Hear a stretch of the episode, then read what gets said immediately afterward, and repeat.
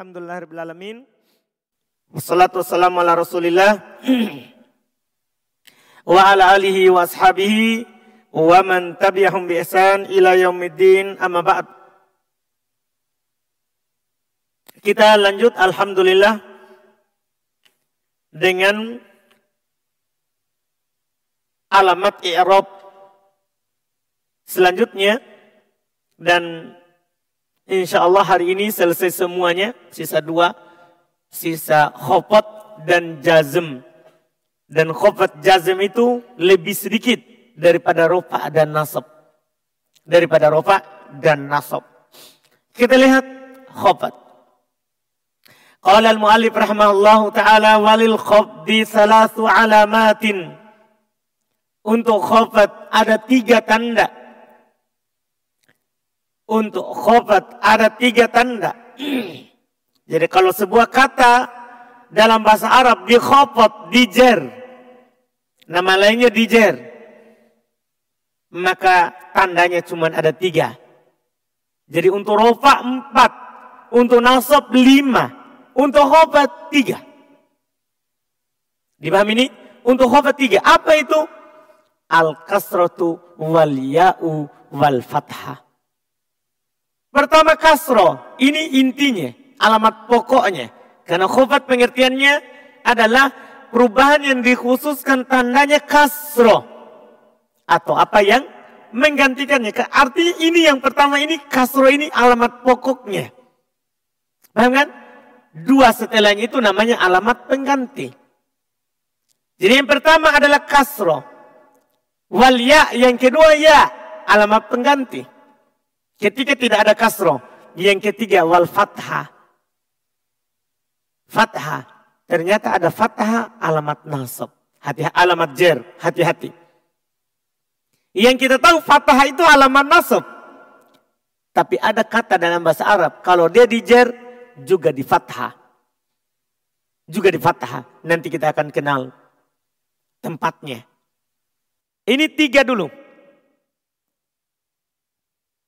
Iya, sebagai dasar pondasi awal untuk khofat. Artinya, kalau antum dapatkan kata tidak di kasro, bukan ya, bukan fathah, itu bukan khofat. Nah, ada kata tandanya alif. Oh bukan khofat. Karena tidak ada alif tanda khofat. Ada kata pakai waw. Bukan khofat. Karena tidak ada khofat pakai waw. Dipahami nih? Ada khofat misalnya ada kata disukun. Bukan karena tidak ada sukun tanda khofat. Ada kata hilang nun. Bukan karena tidak ada kata khofat penghilangan nun. Dipahami nih? Dari tanda-tanda yang telah lewat. Ini cuma sedikit saja. Tiga tanda khofat. Kasro, ya, fathah. Kasro, ya, fathah. Sekarang kita cari tempatnya. Tempatnya ini membantu kita untuk mempertajam tadi. Wa ammal kasro, fa ammal kasro tu. Maka adapun kasro. Fatakunu alamatan lil khobdi fi salasati mawadi'a.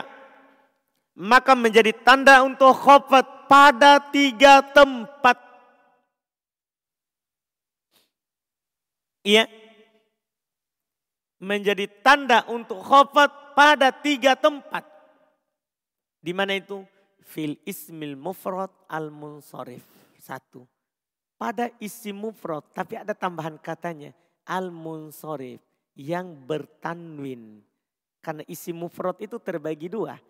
Ada yang bertanwin, ada yang tidak. Paham ini? Isi mufrad terbagi dua ada yang bertanwin, tahu tanwin? Dan ada yang tidak. Tahu tanwin ya? Tanwin itu ibarat dari dua domah. Tulisannya bisa seperti ini. Bisa juga mereka tulis seperti ini. Ya. Kadang juga dia tulis begini. Artinya ini ekor ini ekornya ini ini harokat kedua. Ini bentuk semua ini dua domah. Iya. Bisa juga dua fathah. Di Quran dua bentuk tulisannya. Bisa lurus seperti ini. Ya, bisa juga seperti ini, miring. Ini terkait, dengan bacaan tajwid. Yang jelas ini dua fathah. Atau dua kasro. Ya, tulisannya juga sama, bisa lurus dan biasa juga miring. Ini dua kasro di bawah. Ini ini disebut dengan nama apa? Tanwin. Iya. Ini disebut dengan nama apa? Tanwin. Nah, isim itu ada yang ditanwin, isim mufrad. Ya, isim mufrad. Isim mufrad. Itu terbagi dua bentuknya. Ada yang pakai tanwin dan ada yang ya tidak bertanwin. Goir munawan. Goir munawan. Munawanin. Ada yang bertanwin, ada yang tidak bertanwin. Contoh isim mufrad yang bertanwin. Ya, Zaid. Zaidun. Contoh isim mufrad yang tidak bertanwin. Maryam. Maryamu. Maryamu isim mufrad. Tidak bertanwin. Ah sekarang, sekarang. Yang dijer. Tanda khofatnya kasroh. Nah, yang bertanwin. Adapun yang tidak bertanwin, kenapa? Ada pembahasannya nanti. Ada tandanya yang lain. Iya. Sekarang ini yang ini yang kita bahas. Yang bertanwin. Apa itu yang bertanwin? Yang ada dua domanya atau ada dua fathahnya atau ada dua kas kasronya. Ini kalau dia bertanwin maka tanda khofatnya kasro. Tanda khofatnya apa? Kas, kasro. Ini kalau yang bertanwin. Ini tanda khofatnya kasro. Amin? Jelas ini? Jelas ya? Misalnya nanti Zaid. Masuk alat penjer. Kita contohkan misalnya min. Min itu termasuk huruf jar. Langsung Zaid masuk min jadinya apa? Min Zaidin. Langsung kasro. Karena dia isi mufrad yang bertanwin. Dipahami nih? Karena dia isi mufrad yang bertanwin. Jadi makna al-munsorib yang bertanwin. Jangan dulu bertanya, kalau tidak bertanwin gimana? Sebentar. Langsung kita dapat sebentar. Dipahami ini? Iya. Kalau rofa dan nasab tidak perlu dibedakan. Tanwin ataupun tidak, rofa tandanya domah. Paham ini? Nasab, tanwin ataupun tidak, tandanya fathah. Tidak peduli itu. Yang dibedakan ini ketika jer. Ketika khofat, hati-hati dalam baca kitab nanti. Ketika dijer. Paham? Zaid masuk ja'a, ja'at Zaidun. Maryam masuk ja'a, ja'at Maryamu. Zaid masuk ro'aitu, ro'aitu Zaidan. Maryam masuk ro'aitu, ro'aitu Maryama. Sama. Rofa dan nasabnya, jernya, jernya. Baru berpisah. Kalau bertanwin, kasroh. Kalau tidak, sebentar akan datang. Dipahami ini? Abdullah? Hmm? Jadi tempat pertama yang beralamatkan kasro adalah isi mufrad tapi yang bertanwin. Paham Abdillah? Yakin saudara? Tidak boleh antum berbohong. Kalau belum paham bilang belum. Paham ini? Sudah bisa bedakan yang bertanwin dengan tidak? Apa itu tanwin? Jangan sampai belum kenal itu tanwin.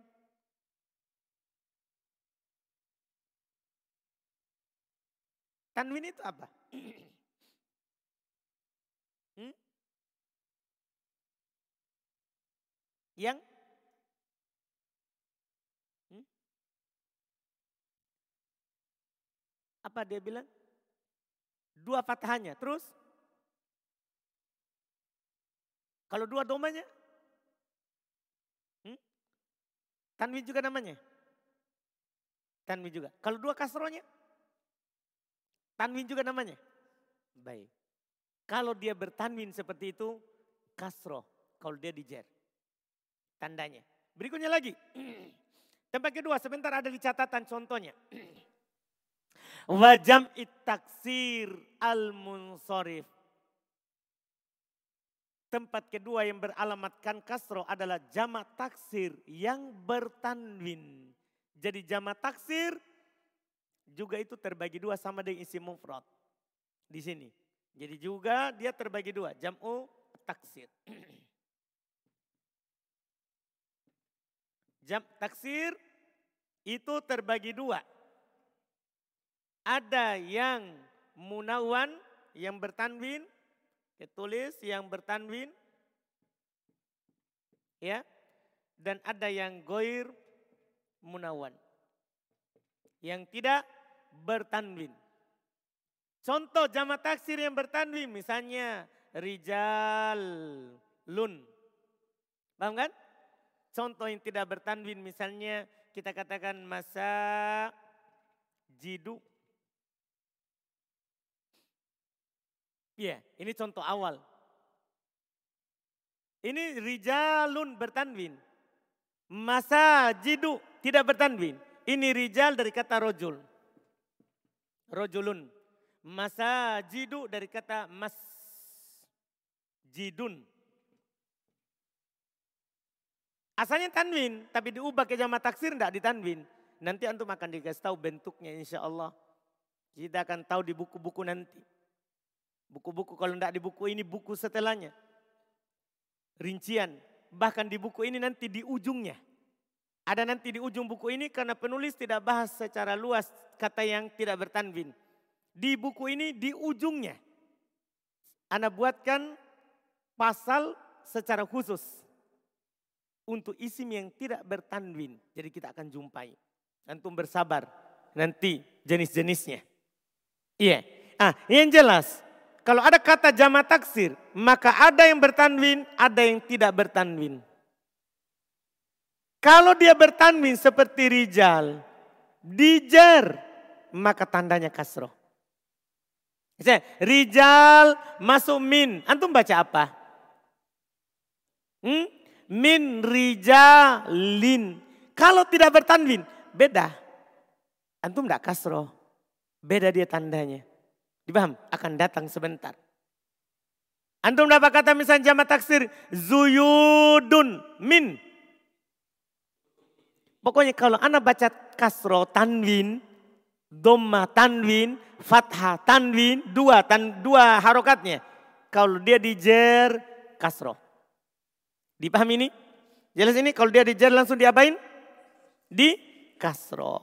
Kemudian berikutnya tempat ketiga wafil wafi jam ilmu salim. Dan pada jama mu'ana salim tidak ada kata kalau dia bertanwin. Karena jama mu'ana salim pasti bertanwin. Dia tidak terbagi dua. Itu yang terbagi itu hanya itu saja, dua itu. Isi mufrad sama apa? Jama tak taksir. Ada yang bertanwin, ada yang tidak bertanwin. Dua itu saja. Yang lainnya tidak ada terbagi seperti itu. Yang lainnya tidak ada yang terbagi seperti itu. Seperti jamuan salim. Jamuan salim kalau dijer bertanwin ataupun tidak bertanwin pasti di kasro. Pasti apa di kasro. Jelas ini? Lihat catatan di bawah. Kita baca catatan 46. Catatan untuk isi mufrad yang bertanwin. Contoh isi mufrad yang bertanwin. Marortu bi Zaidin.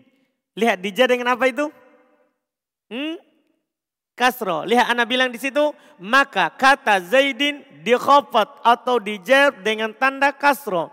Karena dia adalah isi mufrad yang bertanwin. Paham ini? Kan dia adalah isim mufrad yang bertanwin. Kemudian adapun isim mufrad yang tidak bertanwin maka dijer dengan tanda fathah sebagaimana akan datang contohnya. Paham ini? Ini namanya anak ingatkan antum secara dini. Maksudnya sebenarnya akan datang nanti. Tapi anak ingatkan memang supaya kadang ada orang bertanya. Kalau tidak bertanwin, ah, ini dia. Dijer dengan tanda apa? Fathah. Mana contohnya? akan datang di alamat jar fathah. Kan ini kan alamat jar apa ini? Kasro. Kan alamat jar tadi berapa? Tiga. Apa itu? Kasro, iya, fathah. Nah, inilah dia tempatnya nanti. Akan datang contohnya. Kemudian catatan nomor 47. untuk jamak taksir yang bertan yang bertanwin. Contohnya maror tu birijalin. Pertanyaannya, rijal tanwin? Tanwin. Pas. Alamat jernya berarti apa? Kasro. Lihat. Maka kata rijalin di khofat atau di jer dengan tanda kasro. Karena dia jamak taksir yang bertanwin. Adapun jama taksir yang tidak bertanwin maka dijer dengan tanda fathah sebagaimana akan datang contohnya. Dipahami ini? Akan datang contohnya sebentar. Akan datang contohnya sebentar. Catatan nomor 48. Untuk jama mu'anas salim. Contohnya maror bi muslimatin. Maka kata muslimatin dikhofat atau dijer dengan tanda kasro. Jelas itu tiga tempat? Jelas itu? Jadi kalau sebuah kata di kasro ketika ada penjernya maka tidak keluar dari tiga ini berdasarkan penelitian. Tidak ada tempat keempat. Isi mufrad yang bertanwin, jama taksir yang bertanwin, dan jama manas salim. Tidak ada tempat lain. Dipahami ini? Ingat, ini penting dalam baca kitab gundul. Karena pembatasan seperti inilah yang paling penting. Ketika ada kata di kasro, maka perhatikan. Dia dijer. Maka tembakan antum cuman isi mufrad, jama taksir, jama mana salim. Dipahami ini? Tidak ada yang lain. Isi mufrad sudah ada bedanya dengan jama taksir. Dan jama taksir sudah ada bedanya dengan jama mu'ana salim. Anda tidak kasih tahu lagi antum di sini. Karena sudah lewat pengertian jama taksir.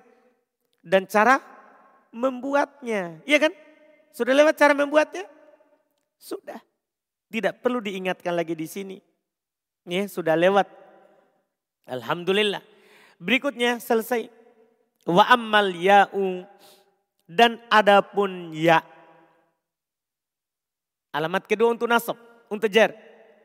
Fatakunu alamatan lil khafdi. Maka dia menjadi tanda untuk khafat. Fi salah sati mawadi'a. Pada tiga tempat juga. Jadi serba tiga ini. Kasro tiga tadi. Kasro tiga. Ya juga ada berapa? Tiga. Di mana itu? Fil asma'il khomsah. Ini sudah selesai untuk asma'ul khomsah. Pada isim-isim yang lima. Ingat, isim yang lima kan bisa tiga bacaan. Abu, Aba, Abi. Sekarang antum sudah tahu. Pakai wau kalau rofa. Karena asma'ul khomsah alamat rofanya wau. Pakai alif kalau nasab. Sudah lewat alamat nasabnya asma'ul khomsah apa? alif, sekarang jer. Alamat jernya adalah apa? Ya. Sudah selesai pembahasan untuk dia. Karena cuma punya tiga bacaan. Jadi kalau antum ditanya, kapan pakai abu, kapan aba, kapan abi? Rofa abu, nasab aba, jer abi. Paham kan? Jadi asalnya Abu Bakar. Bisa Aba Bakar, bisa Abi Bakar. Tergantung kedudukannya. Rofa, nasab, jer. Selesai dia. Wafit tatniyati. Dan pada mutanna. Maksudnya mutanna di sini adalah apa? Isim mutanna. Isim mutanna kan bisa pakai alif dan nun atau ya dan nun. Ketika dia di jer, pakai ya. Paham ini? Berarti kesimpulannya, kemarin kan waktu di nasab juga pakai ya. Berarti isim mutanna itu rofanya pakai alif nasab dan jernya pakai iya. Pertanyaannya, gimana caranya saya bedakan penyakitnya? Kalau penyakitnya roa itu mansub berarti. Kalau penyakitnya min huruf jer misalnya berarti majer, majrur. Kan penyakitnya yang membedakannya. Alamatnya boleh sama, penyakitnya yang beda. Iya. Ini tempat kedua. Yang ketiga, wal jam'i. Termasuk yang beralamatkan ya ketika di, di jer adalah jama. Jama apa kira-kira di sini? Hmm? Jama mudakar salim. Karena tadi sudah ada jama taksir sama jama salim. Kasro. Sementara jama cuma tiga. Iya jama cuma tiga. Sudah lewat juga bersama antum. Jama mudakar salim kalau di rofa pakai apa? Wow. Kalau di nasab pakai? Iya. Sekarang di jar juga pakai ya. Berarti kesimpulannya jam mudakar salim di rofa pakai wow, nasab dan jar pakai iya untuk membedakannya penyakitnya. Kalau penyakitnya nasab seperti roh itu mansub. Kalau penyakitnya jar maka majar majrur. Alamatnya sama. Tiga ini selesai. Lihat catatan di bawah, catatan mudah, mudah sekali alhamdulillah. Ya, catatan 49. Tinggal contoh. Marortu bi abika. Iya. Maka kata abika di khofat atau dijar dengan tanda ya. Catatan nomor 50 untuk jama untuk isim musanna. Marortu bi muslimaini. Marortu bi muslimaini. Maka kata muslimaini di khofat atau dijar dengan tanda ya. Catatan 51 untuk jama jama mudzakkar salim. Contohnya marortu bi muslimina. Maka kata muslimina di khofat atau dijar dengan tanda apa? Iya, mudah sekali. Adapun cara membuatnya sudah lewat. Cara membuatnya sudah lewat. Berikutnya alamat khofat wa ammal fathah. Ini yang terakhir. Kan dia cuma punya tiga tanda. Adapun fathah. Fatakunu alamatan lil khofdi. Maka dia menjadi tanda untuk khofat. Fil ismil ladhi la yang sorry. Pada isim yang tidak bertanwin. Ini tadi. Nah ini dari dua ini. Dari isi mufrad dan jamak jamak taksir. Ambil yang tidak bertanwin yang dibawa. Ambil dua ini. Paham kan? Ambil dua ini. Kalau dia tidak bertanwin dari isi mufrad atau tidak bertanwin dari jamak taksir, maka tanda jernya adalah fathah bukan kasroh. Nah, kalau bertanwin kasroh. Paham ini? Isi mufrad bertanwin kasroh. Jama taksir bertanwin. Apa kas? Kasroh. Kalau tidak bertanwin, fathah. Nggak usah takut. Misalnya gini. Maryam. Antum masukkan bi. Contoh tadi di buku misalnya. Marortu bi Maryam. Antum baca apa?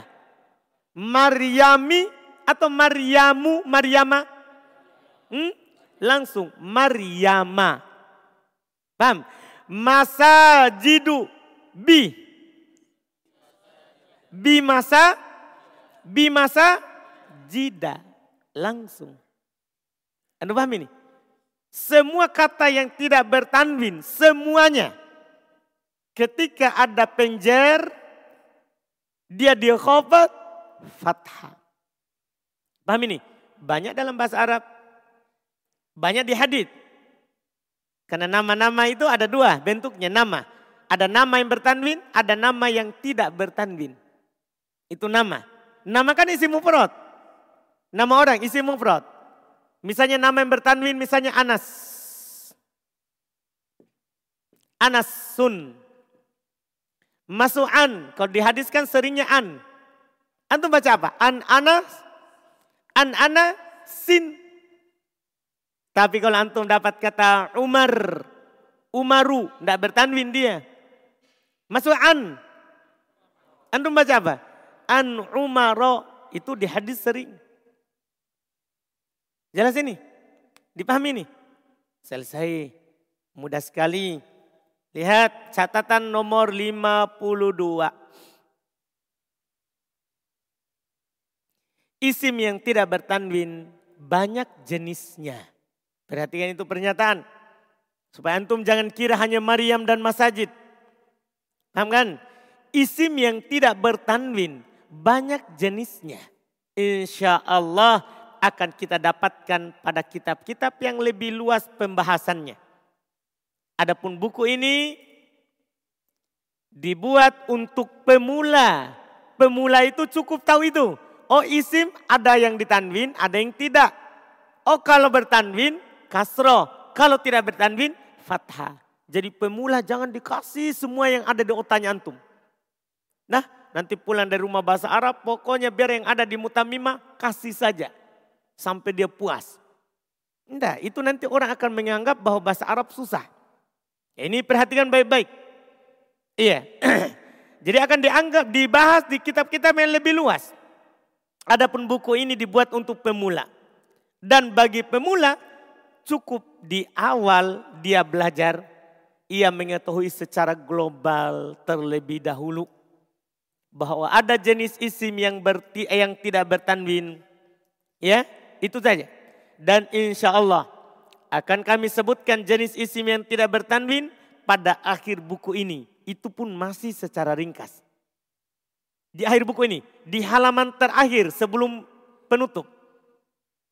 Ada nanti pembahasan jenis isim yang tidak bertanwin. Supaya masuk buku kedua itu kita sudah tahu jenis-jenisnya. Jelas kan? Untuk menghemat supaya sering diulang. Akan disebutkan. Di antaranya nanti yang akan disebutkan adalah ini sebagai contoh. Nama-nama wanita dan nama-nama yang berasal dari orang ajam selain Arab. Ini untuk tahap dasar. Kan di sini kita mau kasih harokatnya. Di antara nama perempuan, semua nama perempuan tidak bertanwin. Semua nama perempuan tidak bertanwin. Dipahami ini? Iya, itu bentuknya. Dan nama yang aslinya ajem. Tahu aslinya ajem? Ini nama tidak ada asal katanya dalam bahasa Arab. Memang dibuat oleh orang ajem. Seperti laode. Mana tadi laode? Ini, laode. Itu tidak ada di Arab itu itu cuma ada di Buton. Aduh, paham gak ini? Iya. Cuma ada Budi. Nama ajem itu saudara.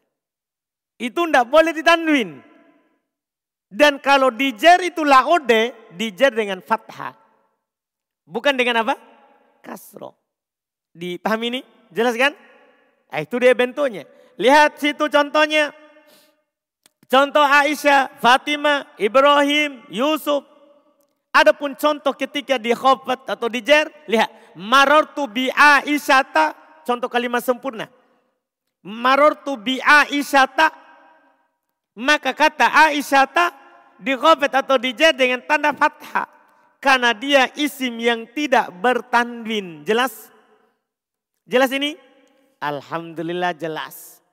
Selesai. Setelahnya lagi dan ini sebagai faedah tambahan dan ini juga harus antum tahu. Kenapa anak kasih ini dari awal, setelahnya lagi itu masih catatan, masih catatan. Karena kadang kita jumpai pemula itu bingung. Kok katanya kalau ndak bertanwin dijer dengan fathah. Tapi ada dalam buku, bahkan ada di Quran, ada di hadis, dia di kasro. Dia di kasro. Makanya anak langsung kasih di awal. Supaya ndak mengambang, ndak bingung pemula. Lihat, dan ismul ladila yang sorif. Catatan berikutnya masih ada, masih di catatan tadi. Cuman disambung di sebelah. Dan isim alladila yang sorif, isim yang tidak bertanwin. Di khofat atau dijad dengan tanda fathah apabila terpenuhi dua syarat. Ternyata ini tadi. dari isi mufrad ini yang tidak bertanwin, tandanya fathah. Jama taksir yang tidak bertanwin, tandanya fathah. Itu tidak sembarang langsung seperti itu. Itu harus terpenuhi dua syarat. Perhatikan syaratnya. Apa itu dua syaratnya? Lihat, pertama tidak kemasukan alif dan lam. Ini kata Maryam tidak ada kata al di awalnya. Tidak kemasukan al. Masajid tidak beral. Tidak beral. Kapan beral? Kembali ke asal. Isi mufrad kasro. Paham ini? Kalau beral, kembali kasro. Maryam kembali kasro. Dipahami ini? Misalnya tadi, Umar. Kalau masuk min kan min um, an umaro. Tapi kalau dimasukkan al, ada al di awalnya. Kembali kasro al-umari. Itu syarat pertama. Tidak boleh ada alnya. Ini, ini, ini. Tidak boleh ada alnya. Kapan dia tidak bertanwin? Tapi ada al. Kasro. Dipahami ini? Kasro. Jelas syarat pertama? Syarat kedua, tidak boleh disandarkan kepada kata lain setelahnya. Yaitu bahasa ininya bukan mudof Bukan kata yang disandarkan kepada setelahnya. Misalnya gini. Artinya harus berdirinya seperti ini. Masajid. Iya. Antum bilang min masajida. Harus bentuknya seperti itu. Tidak boleh disandarkan ini masjid kepada Muhammad. Kepada Zaid. Kepada Ali. Atau kepada kaum muslimin. Misalnya saya sandarkan. Masajid Zaid. Masjid-masjidnya Zaid.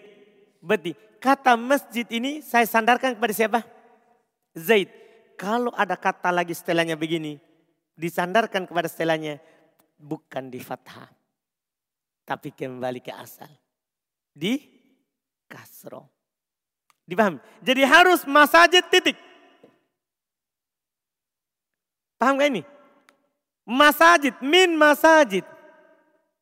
Paham gak? Misalnya dia bilang dalam percakapan, Ja'a Muhammadun min masajid. Titik. Datang Muhammad dari masjid. Dipahami ini? Tapi kapan dia lanjut? Ja'a Muhammad min masajid Zaid. Sudah. Itu beda harokatnya. Kalau tidak ada disandarkan kepada Zaid, da.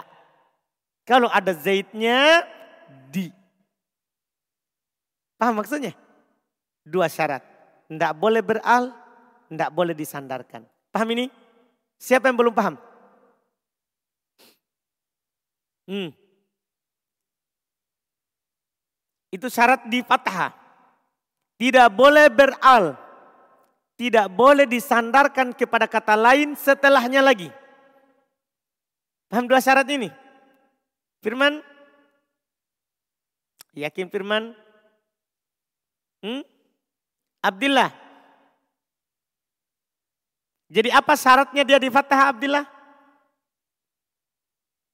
Pertama tidak boleh beralif lam. Kedua,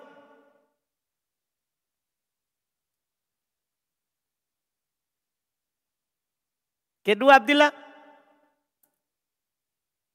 hmm, tidak boleh disandarkan. Tahu disandarkan? Maksudnya ini ini ada tembok Abdullah. Dah, ini ada tembok. Saya bersandar kepadanya. Saya ini walaupun tadinya tidak bertanding, kalau disandarkan kepada tembok ini, maka tidak jadi fathah. Dia jadi kasro. Paham ini? Kalau dia berdiri sendiri, fathah. Kalau dia bersandar, kasro. Paham Abdillah? Belum. Belum. Ini tadi contoh Abdillah. Contoh misalnya tadi, saya akan contohkan. Min masa jid. Tanpa disandarkan kepada sesuatu lagi setelahnya. Min masa jid. Maka saya akan baca da. Min masa jida. Karena terpenuhi syarat Abdillah. Syarat pertama tidak beral. Nah, syarat kedua tidak ada kata lain setelahnya. Paham? Paham ini? Tapi kalau saya ubah min al masajid. Min al masajid. Pakai al. Paham kan? Batal. Dengan fathah. Kembali ke kasro. Langsung minal masajidi. Paham kan? Demikian pula kalau dia disandarkan. Saya bilang tadi, min masajida. Nah, saya sandarkan ke sini ke Abdullah. Abdullah. Min masajid Abdullah. Dari masjidnya Abdullah. Berarti anak sandarkan masjid ke antum. Iya kan? Berarti ini batal dengan fathah. Dia dengan apa? Kasro. Paham Abdullah? Paham Abdullah? Kenapa bisa berubah? Dari patah ke kasro itu masjid.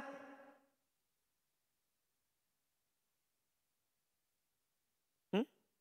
Betul. Pertama kan ada huruf jer. Tapi kan dia bisa saja di fathah dan bisa di kasro. Nah, kan tadi saya bilang min masa jida. Kenapa hanya di fathah sampai kalau sampai di situ?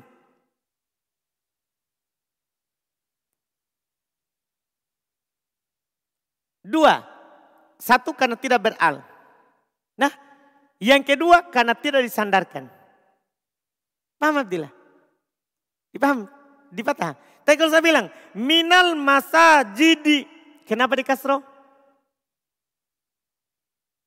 Hmm? Apa? Beral. Saya contoh sekarang saudara yang di bawah ini. ini. Minal masa jidi. Pertanyaan anak bila kenapa di kasro? Apa alasannya antum? Kenapa saya kasro? Karena beral. Ahsan. Sekarang lain di atas. Min masa jidi abdillah. Kenapa saya kasro itu masa jidi?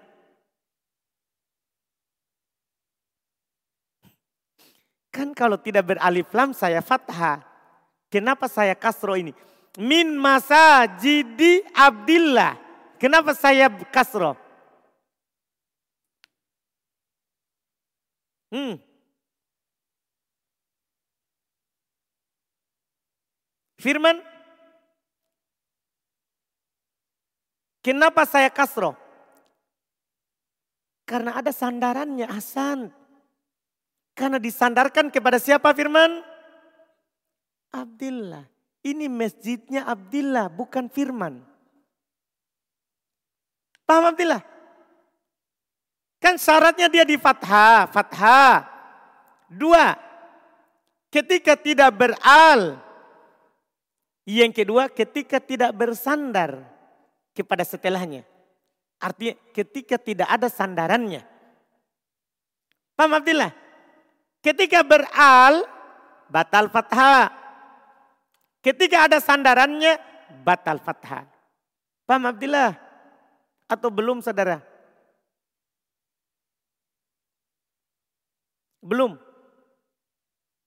Paham atau belum? Belum. Sekarang contoh lain lagi, contoh lain, contoh lain.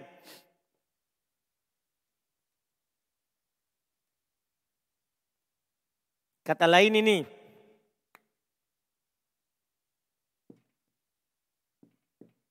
dana niru. Tanwin atau tidak itu Abdillah? Dana niru. Dinar-dinar, mata uang emas. Tanwin atau tidak? Tidak. Saya masukkan min. Huruf jer. Saya akan baca apa ini Abdillah? Dana niro atau dana niri. Dana niri. Isim yang tidak bertanwin. Tanda jernya apa saudara? Fathah. Dana niri. Apakah itu fathah? Kasro. Berarti apakah itu benar? Ketika saya baca dana niri, apakah saya benar? Benar. Kata yang tidak bertanwin. Saya tanya ulang Abdillah. Tadi, tadi. Ketika kata itu tidak bertanwin. Tanda jernya apa? Hmm. Di buku, di buku Abdillah. Di buku tadi. Ketika kata tidak bertanwin. Abdillah sebelumnya, yang sebelumnya, lembar halaman sebelumnya. Pernyataan Ibn Ajurum. Wa ammal fathatu fatakunu alamata lil khafdi fil ismi alladhi la yansarif. Adapun fathah maka dia menjadi tanda untuk khafat pada ismul ladzi la yansarif. Paham ini Abdillah? Adapun fathah. Jangan-jangan kita memang tidak tahu halamannya di mana saudara. Hmm. Jangan suka menghayal. Adapun fathah maka dia menjadi tanda untuk jar di ismul ladzi la sorif, isim yang tidak bertanwin. Paham itu pernyataan? Paham? Artinya Abdillah gini, kalau ada isim yang tidak bertanwin, tahu tidak bertanwin? Domanya tidak ada dua, satu saja. Nah, maka dia dijar dengan tanda apa? Fathah. Paham pernyataan itu? Tahu fathah? Artinya kalau ada kata seperti dana niru. Tidak bertanwin, iya kan? Dana niru. Pertanyaan Ana, Abdillah, dana niru. Bertanwin atau tidak? Hmm? Tidak bertanwin. Kalau kata tidak bertanwin, alamat jernya fathah. Paham itu? Alamat jernya apa? Fat, fathah. Paham kan? Sekarang saya masukkan min di sini Abdillah. Min dana ni saya akan baca dana ni ri atau dana ni ro. Antum pilihkan untuk saya. Dana niro. Kenapa bisa antum pilih fathah? Karena dia isim yang tidak bertanwin. Alamat jarnya adalah apa? Fat, fathah. Berarti dipahami? Dipahami? Contoh lain lagi. Tadi saya bilang Zainab. Tadi kan sudah Maryam. Sekarang Zainab lagi. Zainabu. Bertanwin atau tidak itu? Tidak bertanwin. Saya masukkan an. Huruf jer. Antum baca apa? an Zainaba. Mantap. Langsung fathah. Paham kan? Tapi ini, sudah paham itu atau belum? Sudah paham? Tapi ini dipersyaratkan tidak boleh beral. Paham? Dipahami ini? Kapan dia beral? Kasroh. Dipahami ini? Misal. Dananir saya masukkan al min ad-dananir. Saya baca apa? Masiro atau ri? Ri. Kenapa? Beral. Sampai di situ mantap. Zainab an Zainaba. Saya masukkan al. Zainabi. Mantap sampai di situ. Dah, sekarang itu kan yang pertama pakai al. Pakai al. Sekarang saya sandarkan. Kan syarat kedua tidak boleh disandarkan. Tahu disandarkan? Tahu disandarkan? Tahu disandarkan? Tahu Ji? Nah, anggaplah saya ini dinar. Saya mata uang emas. Nah, saya sandar ini di tembok. Paham gak ini? Berarti saya ini disandarkan ke sini. Anu bisa paham? Tidak boleh saya disandarkan. Kapan saya disandarkan? Kasro. Kan ini. Min dana niro fathah. Karena dari dinar. Belum disandarkan kepada siapa-siapa. Tapi saya kalau bilang begini. Min dana nir bakr. Dari dinarnya bakr. Saya sandarkan dinar ke bakr. Berarti dibaca apa Abdillah? Sekarang, min dana niro bakr atau min dana niri bakr. Pilih.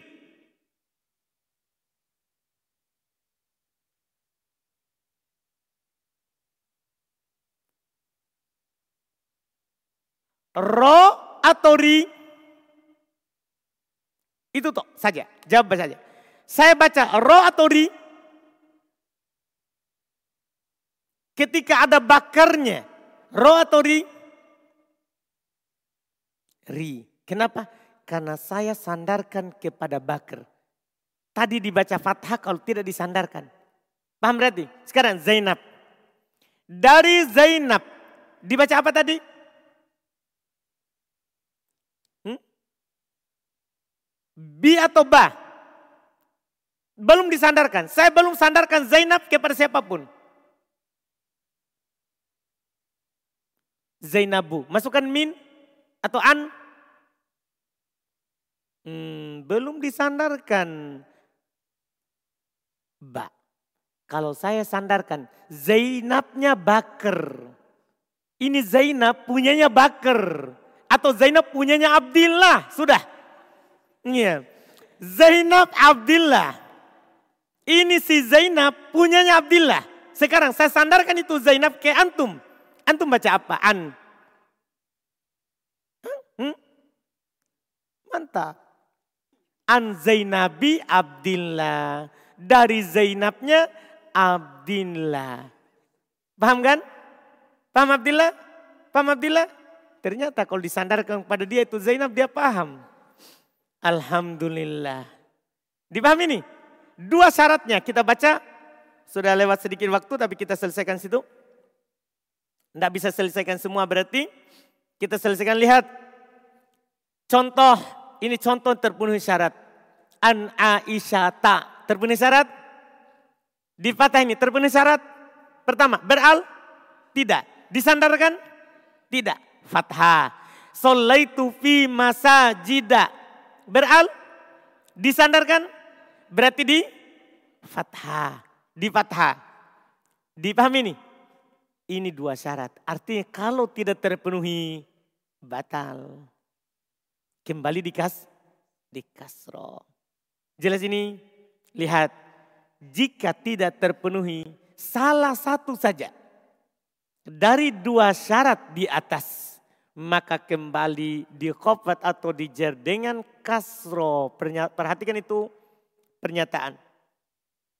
Jika tidak terpenuhi salah satu dua syarat di atas, maka kembali dijer dengan kasro. Lihat, solaitu fil masajidi. Kenapa di kasro? Kenapa di kasro? Ada al. Contoh kedua, solaitu fi masajidil muslimin. Saya sholat di masjid-masjidnya kaum muslimin. Kenapa di kasro ini? Disandarkan. Disandarkan. Dipahami ini? Jelas ini? Siapa yang belum paham? Kalau Abdillah sudah ya, aman ya? Yakin saudara? Hmm? Yakin? Alhamdulillah. Yang lain? Alhamdulillah kita sampai di situ. Iya, tadi kita rencanakan selesai, tapi tidak apa-apa. Tidak ada masalah. Alhamdulillah. Berarti besok kita masuk alamat jazm. Alamat terakhir untuk i'rab. Antum meroja alamat yang tadi yang kita ambil alamat khofat. Abdillah jangan meroja sendiri merojaah sama yang sudah paham. Tanya kembali, jangan malu-malu. Paham Abdillah? Hmm. Belajar lagi sama yang lain. Tanya lagi. Alhamdulillah.